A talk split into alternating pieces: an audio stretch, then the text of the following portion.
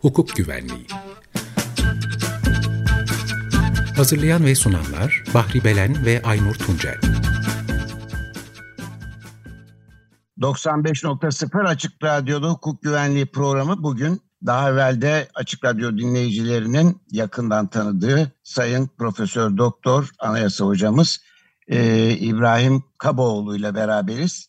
Çünkü Altılı Masa'nın e, anayasa önerisi olaraktan e, hazırladığı ve kamuoyuyla paylaştığı e, bu öneriyi e, belki de bu işin en emek çeken mimarlarından hocamızla konuşacağız. Çünkü bu 2017 anayasa e, referandumu öncesi olası kabul halinde neler olabileceğini kendileriyle konuşmuştuk. Uzun birçok programda tartışmıştık, bilgilenmiştik kendilerinden.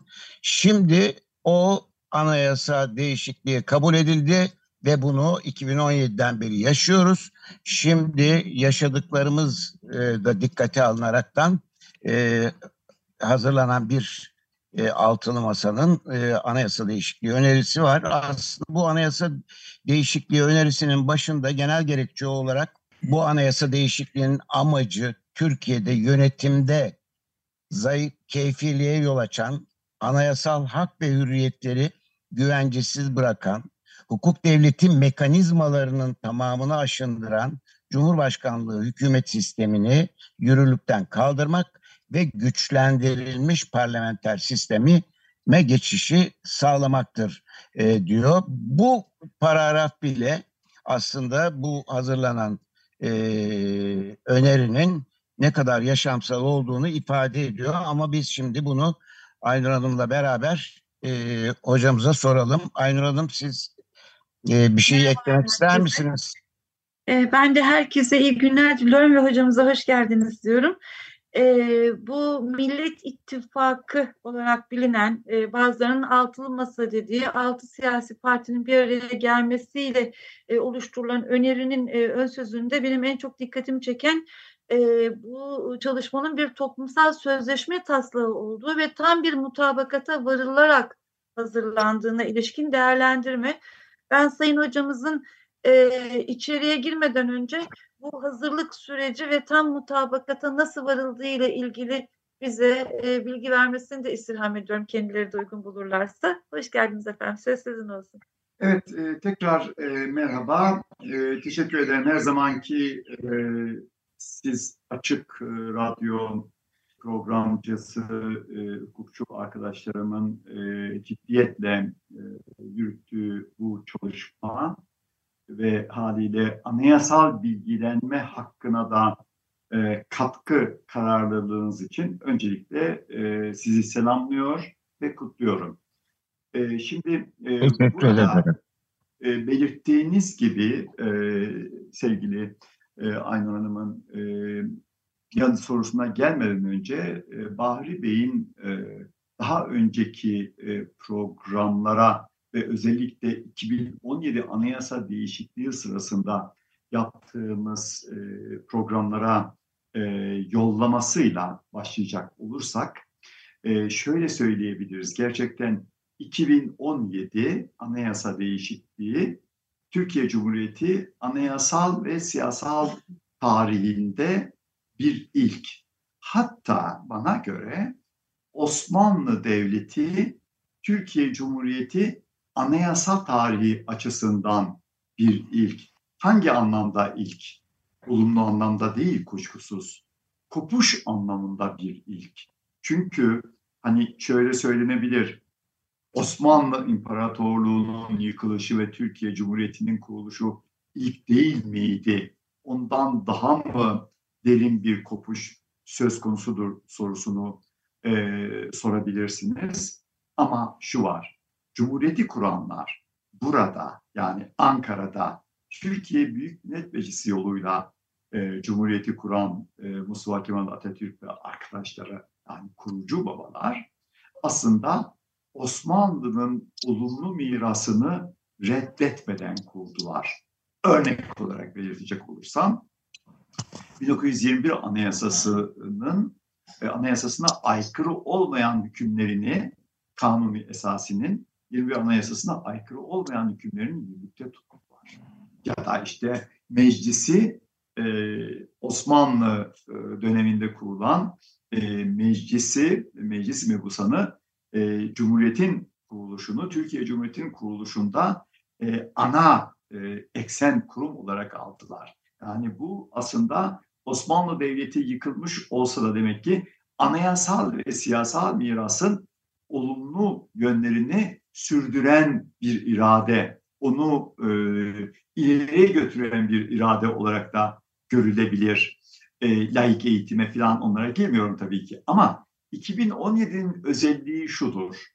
Osmanlı Cumhuriyet mirası nedir? Hani bir biçimde e, yürütme ile devlet yönetiminin devleti temsil yetkisiyle yürütme yani siyaset yapma yetkisini birbirinden ayırma e, e, faaliyeti en azından Osmanlı'da Tanzimat'a, Senedi ittifaka kadar gitmesek de e, kanuni esasiyle başladı. Ancak burada ilk kez, ilk kez tarihimizde e, devleti temsil yetkisiyle e, yürütme yetkisi birleştirildi ve bir kişiye verildi. İşte bu ilktir. Yani bu kadar derin bir kopuştur ki Osmanlı Cumhuriyet e, çizgisinde ortaya çıkan haliyle radikal kopuşlardan bile e, daha farklıdır. Çünkü hükümet hem Osmanlı'nın hem de Cumhuriyet'in ortak kurumudur. Zaten anayasanın ikinci maddesine baktığımız zaman Türkiye Cumhuriyeti insan haklarına dayanan laik ve demokratik bir sosyal hukuk devletidir dediğimiz zaman esasen bu 24, 61 ve 82 anayasalarının yani Cumhuriyet anayasalarının ortak paydası diyebileceğimiz bizim anayasal ve siyasal e, mirasımızdır, e, kazanımlarımızdır. Şimdi ama 2017 değişikliğine baktığımız zaman değişikliklerine özellikle yürütme kısmında e, yapılan değişiklikler madde 101 ve devamı az önce belirttiğim gibi 104. madde Cumhurbaşkanı e, Türkiye Devleti'nin başı, Cumhurbaşkanı Türkiye Devleti'nin başıdır. E, yürütme Cumhurbaşkanı'na aittir diyerek ne olmuş oldu? Bir biçimde 101'den itibaren e, yapılan düzenlemeler anayasa madde 2 gereği demokratik sistemde mevcut olması gereken temel ilkeleri, temel kurumları, temel kuralları ve temel ilkeleri ortadan kaldırdı. Bu nedir? Hükümettir, kurul halinde yönetimdir, siyasal karar düzenekleridir, siyasal sorumluluk ilkesidir, hesap verebilir hükümettir meclis önünde. İşte bütün bu düzenekler ortadan kalktı. Daha doğrusu siyasal karar düzeni ortadan kalktı. E, kurullar tasfiye edildi ve e, anayasada bir tek önceden gelen kurul, e, en çok tartışmalı olan kurul e, muhafaza edildi, tutuldu. O da Milli Güvenlik Kurulu oldu. Şimdi baktığımız zaman bir Milli Güvenlik Kurulu bildiğiniz gibi danışman niteliğinde bir kuruldur. Bir de Ekonomik ve Sosyal Konseyi tutuldu danışman niteliğinde. Fakat ilginçtir burada hani 5 yıl önce yaptığımız programda hatırlarsınız ne tür sıkıntılara yol açabilir bu düzenleme dendiği zaman e, o sırada bunları açmıştık. İster istemez fiili bir yönetime götürür Türkiye'yi diye. Mesela Milli Güvenlik Kurulu amacı dışında kullanmaya çalış, baş, çalışıldı. Yargının alacağı kararlar Milli Güvenlik Kurulu tarafından alınmış gibi bir e, formül kullanıldı. Milli Güvenlik Kurulu'nca terör örgütü olduğuna karar verilen yapı. Oysa Milli Güvenlik Kurulu'nun icra nitelikte bir e, şeyi karar alma yetkisi yok. Ve Ekonomik e, Sosyal Konsey hiç toplanmadı. Şimdi e, peki ne oldu? E, burada dikkat çektiğim şu halde esasen 2017 anayasa değişikliğinin getirdiği husus, getirdiği kurgu, ben buna anayasal kurgu diyorum çünkü. E, mesela biraz e, sonra e, bizim bu Millet İttifakı'nın anayasa taslağında Cumhurbaşkanlığı hükümet sistemi kullanımını da eleştirdiğimi şimdiden belirteyim. Tabii ben bu metni e, öven bir konuşma değil, haliyle anayasacı kimliğimle de değerlendiren bir konuşma yapacağım daha çok e, sizlerle. Çünkü onu öven bir konuşma bizi yeni sıkıntılara e, götürebilir. Bu tamdır, olmuştur, artık e, e, tartışılmaz dediğimiz an daha baştan kaybetmiş oluruz. O nedenle e, biraz daha nesnel bakmaya çalışacağım. Ama burada e, 2017 kurgusuna dair demek ki birinci belirttiğim husus şu, demokratik hükümler özellikle e, genel esaslar çerçevesinde yer alan bir 11. maddeler arasında yer alan demokratik hukuk devletinin asgari gereklerine ilişkin hükümlere e, 2017'de neyse ki dokunamadılar. Bunlar geçerli. Fakat 2017 değişikliğinde 101 ve devamı maddelerde yürütme ağırlıklı maddelerde yapılan değişiklikler sistematik olarak, biçimsel olarak ekler ayrılığını muhafaza ediyormuş görüntüsü vermiş olsa dahi e, bir kişiyle toplanması devlet ve hükümet yetkilerinin devletin ve hükümetin birleştirilmiş olması esasen e, Cumhuriyet'in temel organlarına ilişkin hükümlerin yani 75 ve sonrasının anayasa madde 2 ve devamıyla bağdaşırlığı sorununu ortaya çıkardı. Demek ki hani madde 2 demokratik hukuk devleti ama e, sonra demokratik hukuk devletini sağlamaya yönelik devlet örgütü yasama, yürütme ve yargının e, yapılanmasında ve birbiriyle ilişkisinde çok ciddi sorunlar e, ortaya çıktı 2017'de. O nedenle getirilen anayasal kurgu demokratik mi değil mi? Bu açıdan e, konuya yaklaşmak gerekir. E, ben o zaman da söylüyordum. Şimdi daha açıkça söyleyebilirim. Çünkü dört buçuk yıldır yani yaklaşık olarak beş yıla yaklaşan bir deneyim oldu. Ve bu deneyimin bağrında yer alan kişi olarak yani anayasa hukukçusu sıfatımla değil sadece ama bunun 2017 anayasa kurgusunun e, uygulandığı kurumun merkezinde yer alan, kurumların merkezinde yer alan bir kişi olarak şunu söyleyebilirim. Esasen Cumhurbaşkanı'nın partisiyle ilişkisi kesilir hükmünün anayasa madde 101'den çıkarılması e, fiili durum yani biraz önce belirttiğim demokratik e, hükümler, demokrasiyle bağdaşmayan hükümler yanı sıra üçüncü bir halkayı ortaya çıkardı. De facto diyebileceğim fiili durum yani üçüncü alan, geniş alan ki o da parti başkanlığı bunu ortaya çıkardı. Yani evet e, Cumhurbaşkanı'nın partiyle varsa ilişiği kesilmeyebilir ya da Cumhurbaşkanı partiye üye olabilir bir siyasal partiye ama Cumhurbaşkanı'nın parti üyeliği ile parti genel başkanlığı birbirine çok farklı kavramlardır. Parti genel başkanı olunca olunca o zaman e, bütün anayasal e, kuralların, kurumların işleyiş tarzı değişiyor. Bugün olduğu gibi. O nedenle e, bu üçüncü alan beş yıllık uygulamaya, yaklaşık beş yıllık uygulamaya damgasını vurdu. E, ve bu bizi şu sonuca götürdü.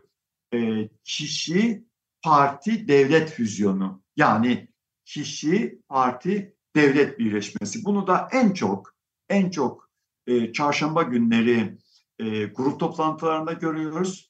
E, Adalet ve Kalkınma Partisi grup toplantısında görüyoruz. En çok bütçe e, görüşmelerinde görüyoruz. Bu fiili alanı, bu e, parti, e, kişi, kişi, parti ve devlet birleşmesini ve en çok Cumhurbaşkanı'nın e, faaliyetlerinde görüyoruz. Yani cami avlusu açıklamalarından tutun da uçaktaki açıklamalarından geçerek ve e, Anadolu'nun herhangi bir yerinde bir eğlence programında açıklamalarına kadar yaptığı Cumhurbaşkanı sıfatıyla mı yoksa parti genel başkanı sıfatıyla mı şeklinde e, yapmış olduğu belli olmayan açıklamaları esasen e, kişi, parti ve devlet füzyonunu birleşmesini ortaya çıkaran e, bir e, tablodur. Ki bu resim yani bu üçlü anayasal e, e, anayasal düzen demiyorum. İki anayasal düzen var bir e, az önce betimlediğim üzere e, genel esaslar kısmı ve 101 ve devamı ya da 75 ve devamı Cumhuriyet temel organları ama üçüncü alan en geniş olan alan, en büyük olan alan e, ve e, anayasa dışı olan e, alan, e, fiili durum. Bunu bu betimlemeyi görmeden biz e, bu tür şu anda önümüzde olan e, Millet İttifakı'nın veya Altılı Masa'nın e, ortaya koyduğu, kamuoyuna sunduğu e, taslağı e, yerli yerine oturtamayız. E, şu nedenle şöyle e, bitiriyorum bu girişi. Şimdi burada ana sorun şu. E, yasama, yürütme, yargı biçimsel olarak birbirinden ayrılmış olsa da esasen yargı bağımsız olmadığı için yasama yürütmenin güdümünde olduğu için yürütmenin tümü tek kişiye ait olduğu için tek kişi parti başkanı olduğu için yasama, yürütme, yargı e, kurgusu e, bu e, kısımla, kısımdan önce gelen yani üçüncü kısımdan önce düzenlenen, ikinci kısım olarak düzenlenen hak ve özgürlüklerin güvencelerini kağıt üstünde bırakıyor. Tıpkı şimdi olduğu gibi. Yani anayasa madde 12 ile 74 arasında e, sıralanan dört bölüm halinde sıralanan hak ve özgürlükler aslında e, yeterince güvence ölçütleri e, olmadığı için e, veyahut da e, yeterli e, derecede e, hak ve özgürlük tanınmadığı için değil, esasen e, yasama yürütme yargının kurgulanma tarzı nedeniyle e, bu hak ve özgürlüklerin ve güvence ölçütlerinin kağıt üstünde bırakılmış olmasından kaynaklanıyor. Peki neden bu saptama önemli? Anayasamızda e, belirttiğim gibi on, madde 12'den itibaren hak ve özgürlükler yani bizlerin, yurttaşların, çevre dahil hak ve özgürlükleri düzenleniyor, tanınıyor, düzenleniyor, güvence altına alınıyor. Ama Cumhuriyet'in temel organları daha sonraki kısımda 75 ve sonrasında. Bu özgürlükçü anayasa geleneğini yansıtıyor. Önce hak ve özgürlükleri koyalım. Sonra öyle bir devlet örgütü e, öngörelim ki bu hak ve özgürlükleri koruyabilsin. İşte, işte kurucu babalardan sonra özellikle 61 Anayasası'nı Batı geleneğine göre e, tasnif ederek yaptıkları bu sıralama e, 1982 Anayasası'nda da devam etmiş. 2017 kurgusunda da bu sıralama değişmemiş ama e, belirttiğim üzere devletin örgütlenmesinde yasama, yürütme, yargının birbirinden ayrı olması ve yargının bağımsız olması ilkesi büyük ölçüde askıya alındığı için hak ve özgürlükler ne olmuştur? Eğreti hale gelmiştir. İhlal edilmesi e, genel ve yaygın e, bir e, olgu halini almıştır. E, bunu görmek lazım. Şimdi bunu e, görmenin e, anlamı şudur. Bizim bu güçlendirilmiş parlamenter sistem e, adını verdiğimiz proje için e, atılan ilk adımın e, gerekçesidir bu. Yani neden e, hak ve özgürlükler değil de güçlendirilmiş parlamenter sistem dendi? E, çünkü sorun anayasal hak ve özgürlüklerin e, tanınması, düzenlenmesi ve güvence altına alması sorunu değil. Sorun bunları boğacak, bunları güvenceleyecek devlet aygıtı yerine devlet aygıtının 2017 kurgusuyla bunları boğacak biçime dönüştürülmesinden kaynaklanıyordu. O nedenle e, güçlendirilmiş parlamenter sistem dendi ve ana hareket noktası yasamayı, yürütmeyi ve yargıyı bir, her birini öyle bir yapılandıralım. İki, her biri arasındaki ilişki öyle düzenlensin ki e, her biri e, yasama ve yürütme karşılıklı işbirliği ve eşgüdüm çerçevesinde görev yetkilerini kullanabilsin. Yargı da bağımsız bir biçimde her ikisini denetleyebilsin ve uyuşmazlıkları çözüm, çözsün amacıyla idi. Hocam, ee, hocam ön sözde e, e, amacımız diye başlayan bir paragraf var.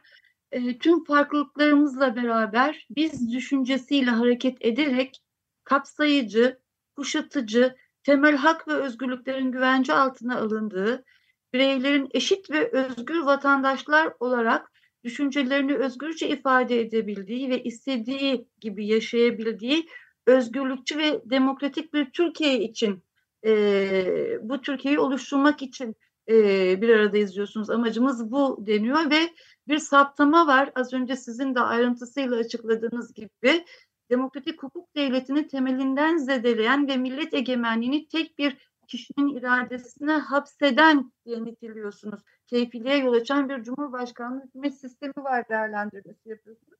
Ben size şunu soracağım. Az önce meşrutiyetten ve ikinci meşrutiyetten ve kanun esasından söz ettiniz. 1876'da e, meşrutiyetin ilanından sonra iki sene sonra işte Osmanlı Rus Savaşı bahane edilerek e, askıya alınıyor meşrutiyet kuralları ve 1908'e kadar süren bir istibdat dönemi var. Tek kişinin yönetiminin, baskıcı yönetimin e, karşılığı olduğuna göre istibdat aslında 2017 ile 2022 arasını yeni bir istibdat dönemi olarak tanımlayabilir misiniz?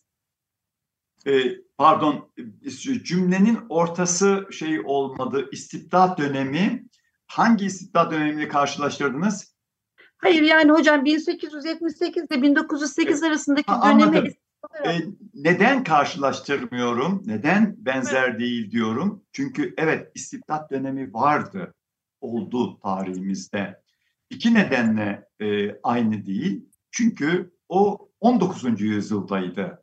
Zaman olarak çok farklı. Şimdi biz 21. yüzyılda bulunuyoruz. 19. yüzyıl anayasacılığı, siyasal birikimi ve demokratik anlayışıyla 21. yüzyıl çok farklı. O nedenle e, zaman olarak karşılaştırma e, yaparsak zaman açısından yanılgılara sürüklenebiliriz. Ama ikinci bir faktör var o da şu. Evet doğru bir istibdat dönemi yaşandı. Uzun süren bir istibdat dönemi ama istibdat döneminde devleti yönetenler e, siyasal parti başkanı değildi. Siyasal partileri yoktu. E, evet istibdat e, e, yönetimi altında yine de şu ya da bu biçimde bir yürütme vardı, bir hükümet vardı.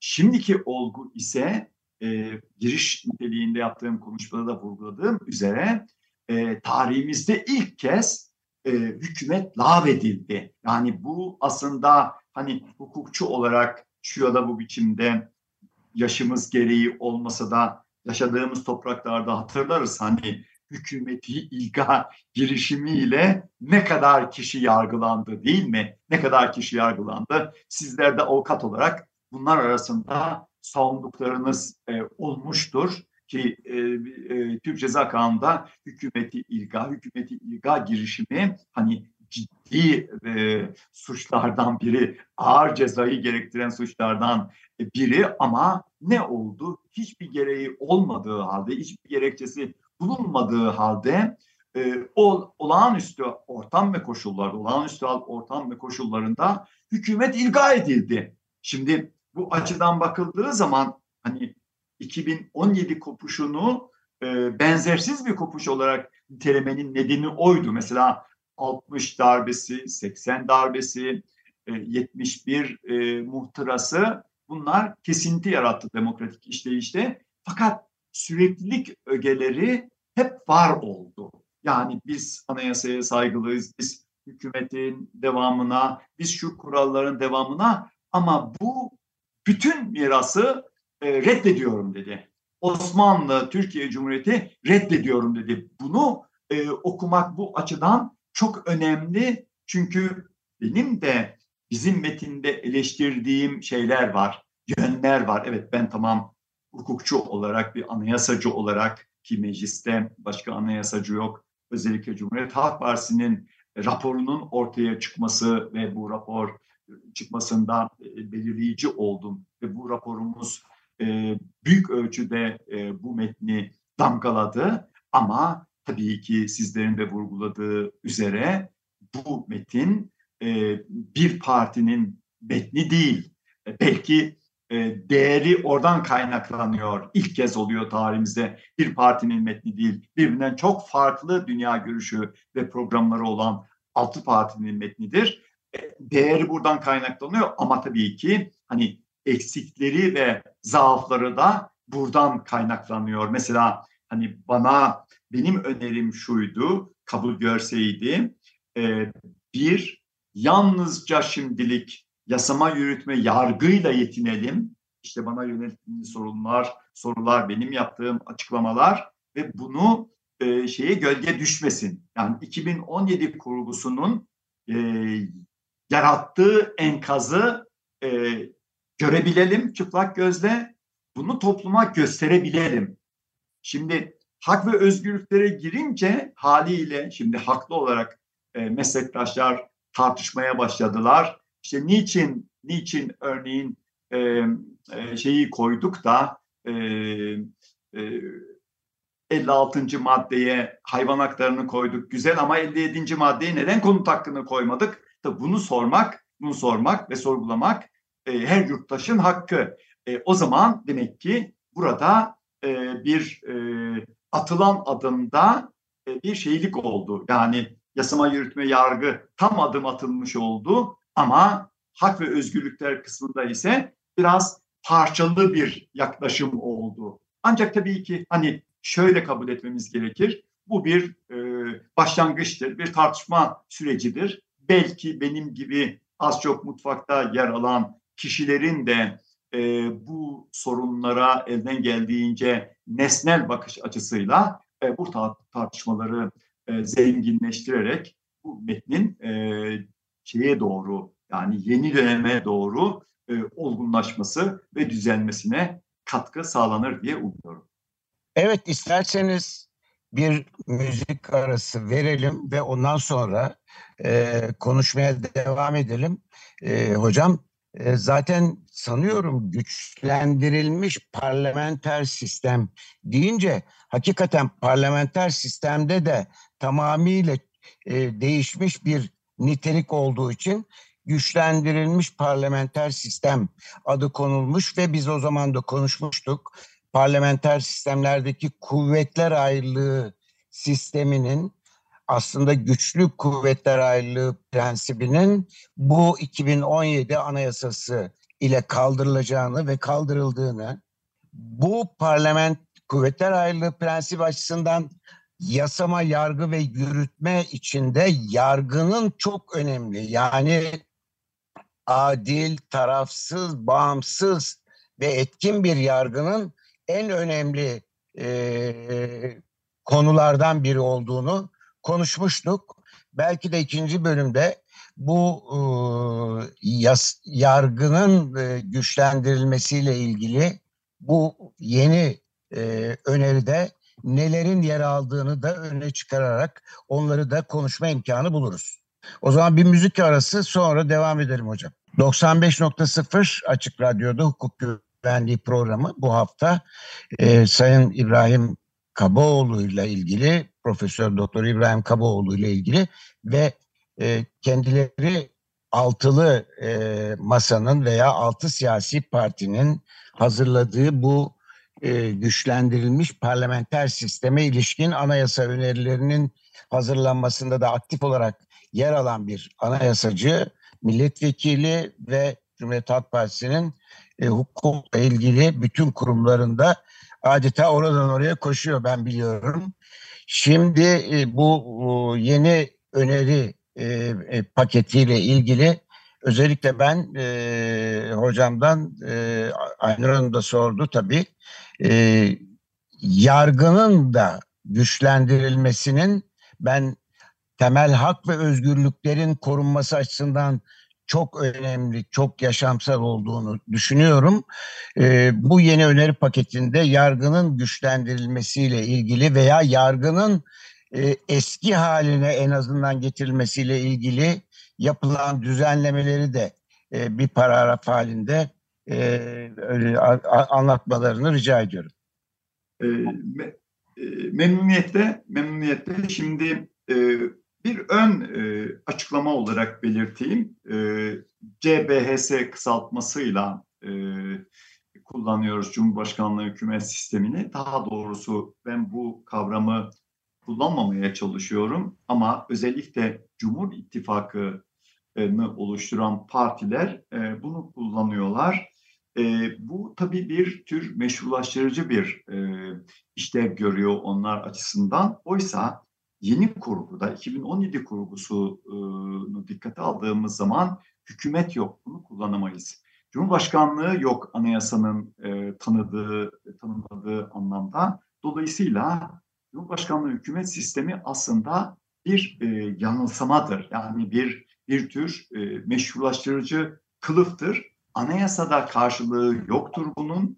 Bunu özellikle belirtmek isterim. Karşılaştırmalı anayasa hukukunda da karşılığı bulunmamakta, e, siyaset biliminde de bulunmamakta. Bunu belirtmek şu bakımdan önemli.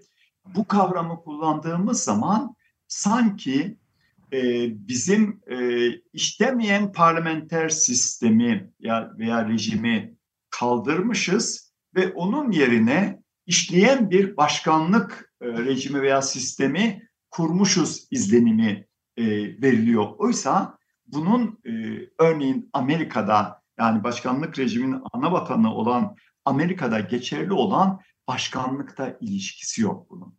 Bunu... Hocam o zaman da söylemiştiniz başkanlık sistemlerinde bile çok güçlü kuvvetler ayrılığı sistemi vardır. Bu 2017 ile ilgili getirilmek istenen sistem işte Afrika'daki en ilkel e, bazı devletlerde görülebilecek benzeri olan bir sistemdir diye o zaman söylemiştiniz. Aynen, aynen ve, ve bir cümleyle bunu e, kapatayım. Şöyle ki e, Amerika'da olduğu veyahut da başkanlık rejiminin geçerli olduğu devletlerde yasama ve yürütmenin, yargı zaten bağımsız, yargı zaten bağımsız. Şimdi biraz sonra konuşacağımız üzere. Ama yasama ve yürütmenin karşılıklı olarak birbirinden bağımsızlığı bir oluşumunda, iki işleyişinde ve işlevinde, üç işlemlerinde, dört sona ermesinde birbirinden ayrı. Ne, ne oluyor Amerika'da? Seçim ayrı oluyor. E, sona erme ayrı oluyor. Yasama işlemleri ayrı, yürütme işlemleri ayrı, işleyiş tarzı ayrı. Ama bizde ise bunlar iç içe geçmiş bulunuyor. E, ve ikisi arasında herhangi bir denge ve denetim düzeni bir yana e, yasama tamamen hemen hemen çoğunluk partisi yoluyla yürütmenin güdümü altına sokulmuş oluyor. O nedenle bunu özellikle vurguluyorum çünkü burada yargı siz bağımsız deseniz de deseniz de bağımsız olmuyor. İşte şimdi yapacağım açıklama mesela madde 138'i çok iyi biliyoruz. Yani izleyiciler açısından söyleyelim. Mahkemelerin bağımsızlığını düzenleyen madde kimse müdahale edemez, mecliste görüşme yapılamaz, mahkeme, hakimler e, anayasaya, hukuka, kanuna ve vicdani kanaatlerine göre karar verirler. Yargı kararlarının yerine getirilmesi bütün devlet organları için emredicidir biçimindeki madde 138 aslında olumlu ve önemli bir madde. Fakat e, bildiğiniz üzere en çok ihlal edilen madde 138 kimin tarafından ihlal ediliyor? en başta yürütme tarafından ihlal ediliyor. Bakanlıklar tarafından çünkü madde 138 mahkeme süreci başlamadan e, konuşmalar başlıyor. Mahkeme devam ederken konuşmalar başlıyor. Ya da birçok e, da, kararda gördüğümüz üzere e, Kavala kararı, Demirtaş kararı, bizim Gezi e, davası e, kararları gördüğümüz üzere ya kararın e, ortaya çıkması engelleniyor ya da karar ortaya çıkı, çıktığı zaman onun uygulanması engelleniyor. İşte bu nedenle e, yargının e, oluşumu e, bağımsız e, yargı erki temelinde önemlidir ve burada bilindiği gibi ana halka hakimler ve savcılar kuruludur. e, hatırlayacağımız üzere 2017'de e, yüksek e, sıfatı kaldırıldı. Kurul dendi. Çünkü bu yeni kurguda e, saray dışında hiçbir kurum yüksek olamazdı. Bu, bu kurguyu iyi anlamak gerekir bu bakımdan. O bile yüksek e, sıfatı oradan kaldırıldı. Şimdi bu e, açıdan e, nasıl araçsallaştırıldığını e, HSK yoluyla, Hakimler ve Savcılar Kurulu yoluyla yargı nasıl araçsallaştırıldı? Bunu çok acı bir biçimde gördük. Bu nedenle e, Hakimler Kurulu, Savcılar Kurulu ayrı olarak e, yapılandırıldı. Haliyle yüksek mahkemeler, e, Yargıtay, Danıştay, e, Anayasa Mahkemesi yine ayrı olarak. Ama en önemli konu burada sizlerin de mesleği olarak mesleği faaliyeti benim hani e, baroya kayıt e, e, olgusu dışında e, fiili avukatlığın bulunmamakla birlikte savunma mesleğini ben e, sav savunma hüküm üçlüsünün e, eşit parçası olarak değil sadece e, onların ötesinde hepsini kucaklayan e, ayrı ve imtiyazlı bir ayağı olarak görüyorum. Neden öyle görüyorum? Çünkü bir sulh hakimi, sulh ceza hakimi, sulh hukuk hakimi kendi alanında kararlar verir ya da asliye veya ağır ceza e, mahkemesi ama avukat hepsini kucaklayıcı bir e, konuma sahip. Nereye kadar? E, Anayasa Mahkemesi'ne kadar. Bu bakımdan e, yargı e, içerisinde sav savunma hüküm üçlüsünde aslında savunma anayasa madde 138'den sonra bütün hükümleri e, kucakladığı gibi e, anayasa madde 36 ve devamı adil yargılanma hakkı gerekleri 36-40 arası yer alan temel ilkeleri de uygulamaya geçirmek için e, e, ayrıcalıklı bir e, meslek faaliyeti olarak anayasada e, açıkça 135'ten ayrı olarak 135 kamu kurum niteliğindeki meslek kuruluşları bilindiği gibi ayrı olarak düzenlenmesi gerekirdi ki bunun e, düzenlenmiş olması başlı başına bir e, yeniliktir diye e, düşünüyorum. Bu Yeni öneri paketinde bu ilk kez böyle bir evet. düzenleme yapıyor değil mi hocam? Aynen aynen öyle ve bu bilindiği gibi Türkiye Barolar Birliği'nden tutun da e, bugüne kadar yapılan anayasa çalışmaları, sivil anayasa çalışmalarında öne çıkarılan bir öneriydi ve bunun e, öne çıkarılmış olması, bu metne konmuş olması e, başlı başına e, savunmayı e, güçlendirici ve tabii haliyle savunmayı güçlendirmediğimiz sürece adil yargılanma hakkını uygulamaya geçirmemiz e, ya mümkün değil ya da çok zordur.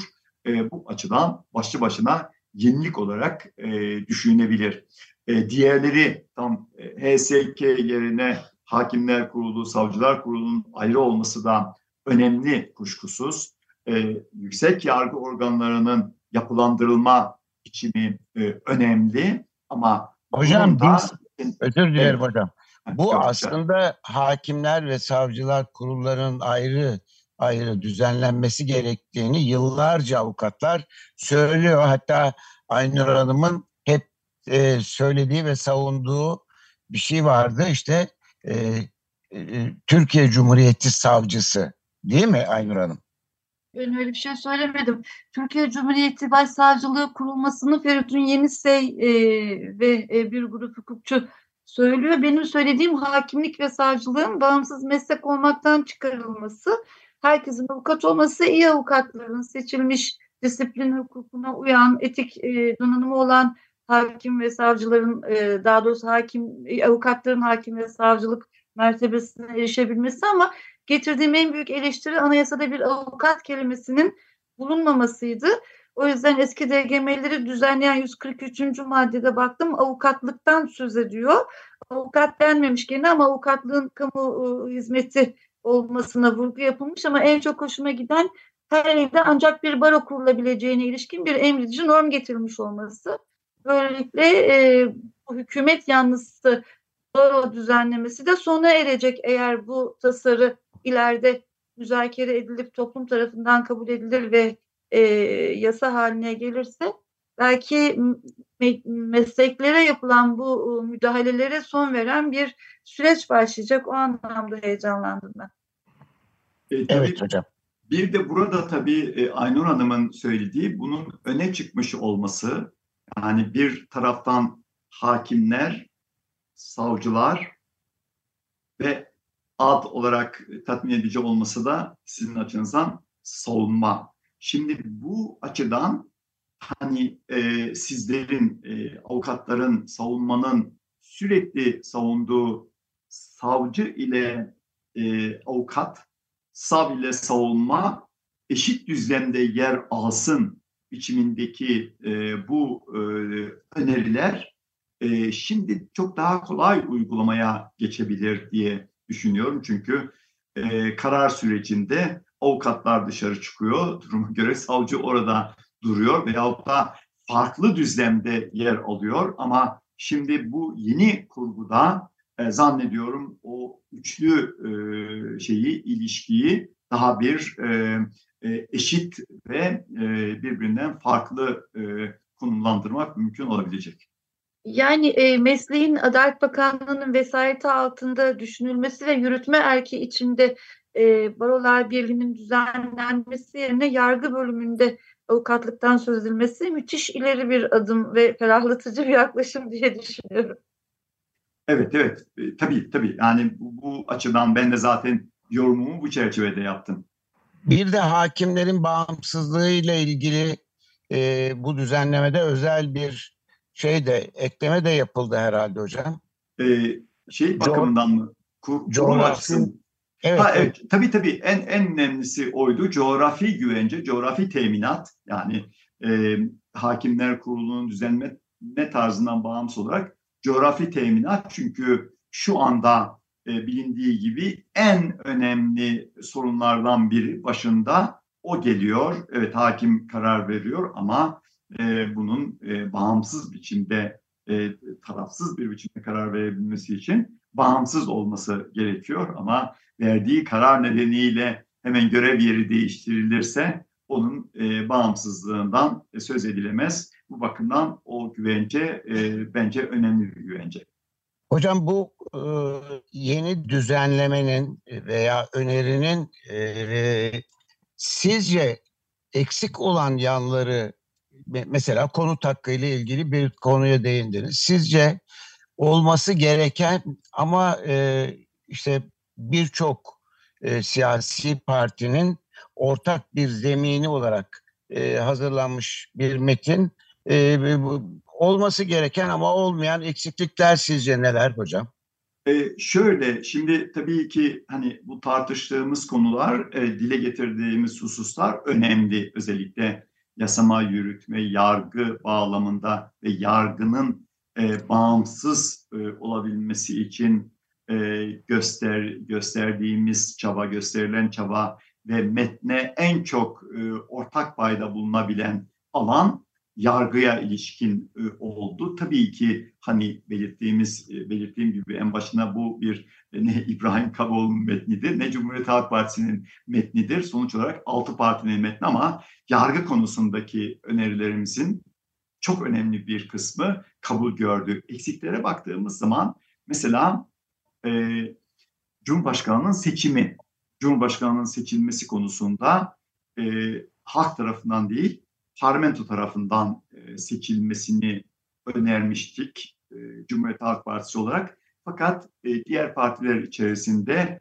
halkın seçme hakkını elinden alıyorlar biçiminde bir e, e, koz, bir eleştiri yöneltilebilir diye o konuda çekingen e, davranıldı ve halk tarafından e, seçilmesi öngörüldü. Biz ondan sonra aslında e, bilim heyeti olarak, Cumhuriyet Halk Partisi bilim heyeti olarak çok medzedici, güzel bir formül bulduk. O da şöyle, belirli koşullarda meclis, meclisin seçmesi, Cumhurbaşkanı meclisin seçmesi ama belirli sürede ve belirli nitelikler, e, belirli nitelikli çoğunlukla Cumhurbaşkanı seçilemez ise ondan sonra halk oyuna gitmesi biçiminde hani hukuki deyişle medzedici ikisine de halk oyunu da kapıyı açan ama meclisi seçmeye zorlayan bir formül de önerdik. Fakat o şu aşamada kabul görmedi. E, dolayısıyla belki bu tartışmalar eğer soğukkanlı tartışmalar yapabilirsek aslında e, güçlendirilmiş parlamenter sistem ya da işte anayasa hukuku dilinde kullandığımız rasyonalize edilmiş, akılleştirilmiş e, parlamenter rejim, hükümetin kurulması kolay, düşürülmesi zor, hükümet istikrarı adına e, biçimdeki yaklaşım e, çerçevesinde e, zannediyorum e, onun e, kabul edilmesi yani Cumhurbaşkanı'nın e, devleti temsil eden kurum olarak e, seçim e, alanına e, sokulmaması, meydanlarına indirilmemesi ve devleti temsil eden hakem rol verilen e, sembolik makam olarak Türkiye Büyük Meclisi'nce e, seçilmesi bu önemli bir e, konu. Bunu zannediyorum önümüzdeki e, haftalarda, aylarda tartışmamız gerekiyor. İkinci konuda az önce belirttiğim gibi hak ve özgürlükler alanı bilindiği gibi artık bir bilimsel alandır. İnsan hakları bilimi e, elden geldiğince bütüncül yaklaşmak gerekir. Çünkü yeni haklar var. E, işte iklim krizinden kaynaklanan e, yeni e, bir takım anayasal düzenlemeler söz konusu. Sosyal devletin gereklerinin yoksul kesimlere yönlendirici düzenlemeler ya da de e, grev hakkı gibi temel demokratik haklar, yurttaşlık haklarının e, öne çıkarılması, o açıdan çevresel hakların e, daha çok öznel haklar alanına doğru kaydırılması gibi birçok e, yenilikten, eksiklikten söz edebilirim. O da hak ve özgürlüklerin bütüncül olarak uzmanlar gözüyle yazılmasından kaynaklanıyor. Fakat buradaki şeyi şu oldu. İlkin belirttiğim gibi güçlendirilmiş parlamenter sistem e, şiarıyla eski deyişle e, ereğinde yola çıkıldığı halde son e, haftalarda hadi bir e, geçen 10 yılda 10 e, yıl önce parlamentoda siyasal partiler arasında sağlanmış olan uzlaşmalar e, bağlamında hak ve özgürlüklere ilişkin maddeleri de koyalım biçiminde bir görüş ortaya çıktı. E, ve o görüşün e, bir tür e, dağınık biçimde anayasanın hak ve özgürlükler kısmına yansıtılması e, şeklinde e, oldu ve o kısımlarla ilgili çekincelerim devam ediyor. Bunu da e, az önce belirttiğim üzere e, bu tür e, tartışmalarda radyo e, yoluyla kitle iletişim araçları, televizyonlar, sosyal medya ve e, basın yayın organları e, bağlamında konferanslar yüz yüze ilişkilerde yapacağımız tartışmalarda e, umuyorum olgunlaştırabileceğiz ve hani sonuç olarak şöyle söyleyeyim bütün bu e, çekincelerime ve e, az çok mutfakta yer alan bir kişi olarak hani e, e, yönelttiğim eleştirilere e, karşın e, bunu bir başarı olarak addediyoruz. Yani bir başlangıç eşiğidir çünkü altı partinin Hocam bu bence de, bence evet. de önemli. Evet, evet. Ee, bir de güçlendirilmiş parlamenter sistem diyoruz. Parlamentonun e, yürütmeye, işte Cumhurbaşkanı'na karşı konumunu güçlendirmek istiyoruz. Ama parlamenterlerin de bu parlamento içindeki fonksiyonlarını korkusuzca, sağlıklı e, icra edebilmeleri için parlamenterlerin de güçlendirilmesi gerekir. Bunun için anayasa 83. maddede de bir başlık dahil olmak üzere değişikliğiniz, değişiklik öneriniz var. Eskiden yasama dokunulmazlığı olarak düzenlenen 83. madde yasama sorumsuzluğu ve dokunulmazlığı olarak düzenlenmiş. Bunun ben önemli olduğunu görüyorum. Bir de tabii bu e, haklarında açılan davalar veya açılacak davalarla ilgili bu sorumsuzluğun ve dokunulmazlığın kaldırılmasına ilişkin e, şeyler, e, oylamalara ilişkin de bir düzenleme getirilmiş. Evet, evet.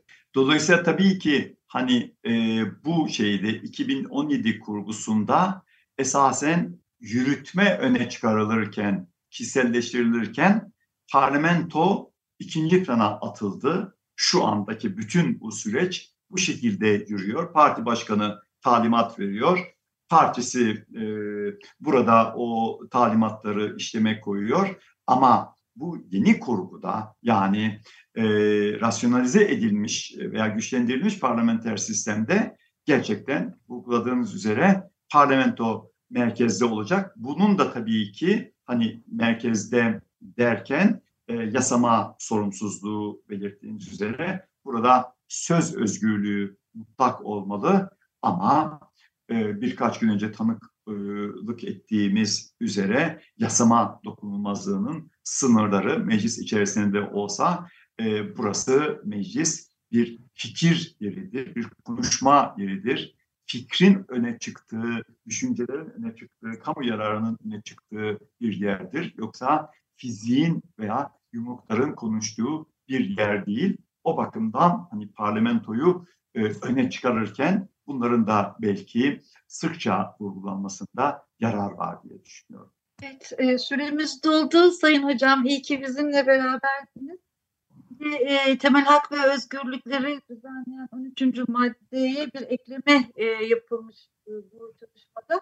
Hürriyet esas sınırlama istisnadır. Tereddüt halinde yorum hürriyet lehine e, yapılır. Bu harika bir e, zihni değişime yol açacak e, tek başına çok değerli bir düzenleme. Ben de e, ön sözde belirtildiği gibi bu değişikliğin e, Aynur Hanım sesiniz sesiniz gitti.